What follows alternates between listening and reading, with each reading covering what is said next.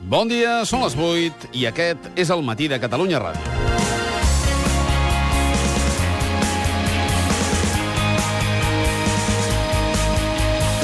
Fins i tot el Partit Popular marca distància respecte a les decisions del ministre José Ignacio Ver. L'orgullós i polèmic ministre de Rajoy ha de fer marxa enrere pressionat pels seus i per les autonomies. Ver rectifica i es repensarà la nota mínima per accedir amb beca a la universitat.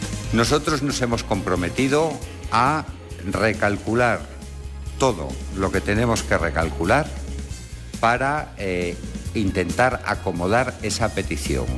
Y desde luego lo vamos a hacer con la voluntad de buscar el mejor acuerdo posible. Pas insòlid de Ver, que fins ara havia estat absolutament inflexible en totes les seves decisions. Un pas, però, que no serà definitiu fins que els pròxims dies anunciï quina serà finalment la nota de tall per les beques.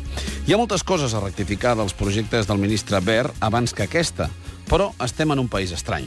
Tant que Ver no es pot emparar amb l'informe sobre l'educació de l'OCDE, l'Organització per la Cooperació i el Desenvolupament Econòmic, que en aquest punt li donaria la raó. No pot perquè no defensa models semblants i perquè no et pots emparar només amb la part de l'informe que t'afavoreix. L'OCDE diu a l'informe que les beques s'han de basar en les notes i en la renda. Si fa no fa com Ver però també apunta que la crisi ha castigat més els qui no tenen estudis superiors. Diu que els governs han de mantenir la inversió en educació malgrat les retallades. Diu que Espanya és el país d'Europa amb més joves que ni estudien ni treballen i recomana incrementar el percentatge de titulats en formació professional.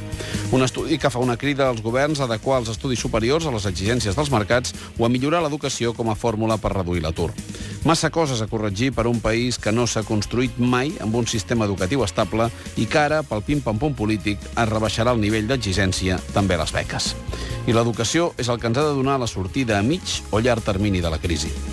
Doncs això, benvinguts a casa vostra. El matí de Catalunya Ràdio, amb Manel Fuentes.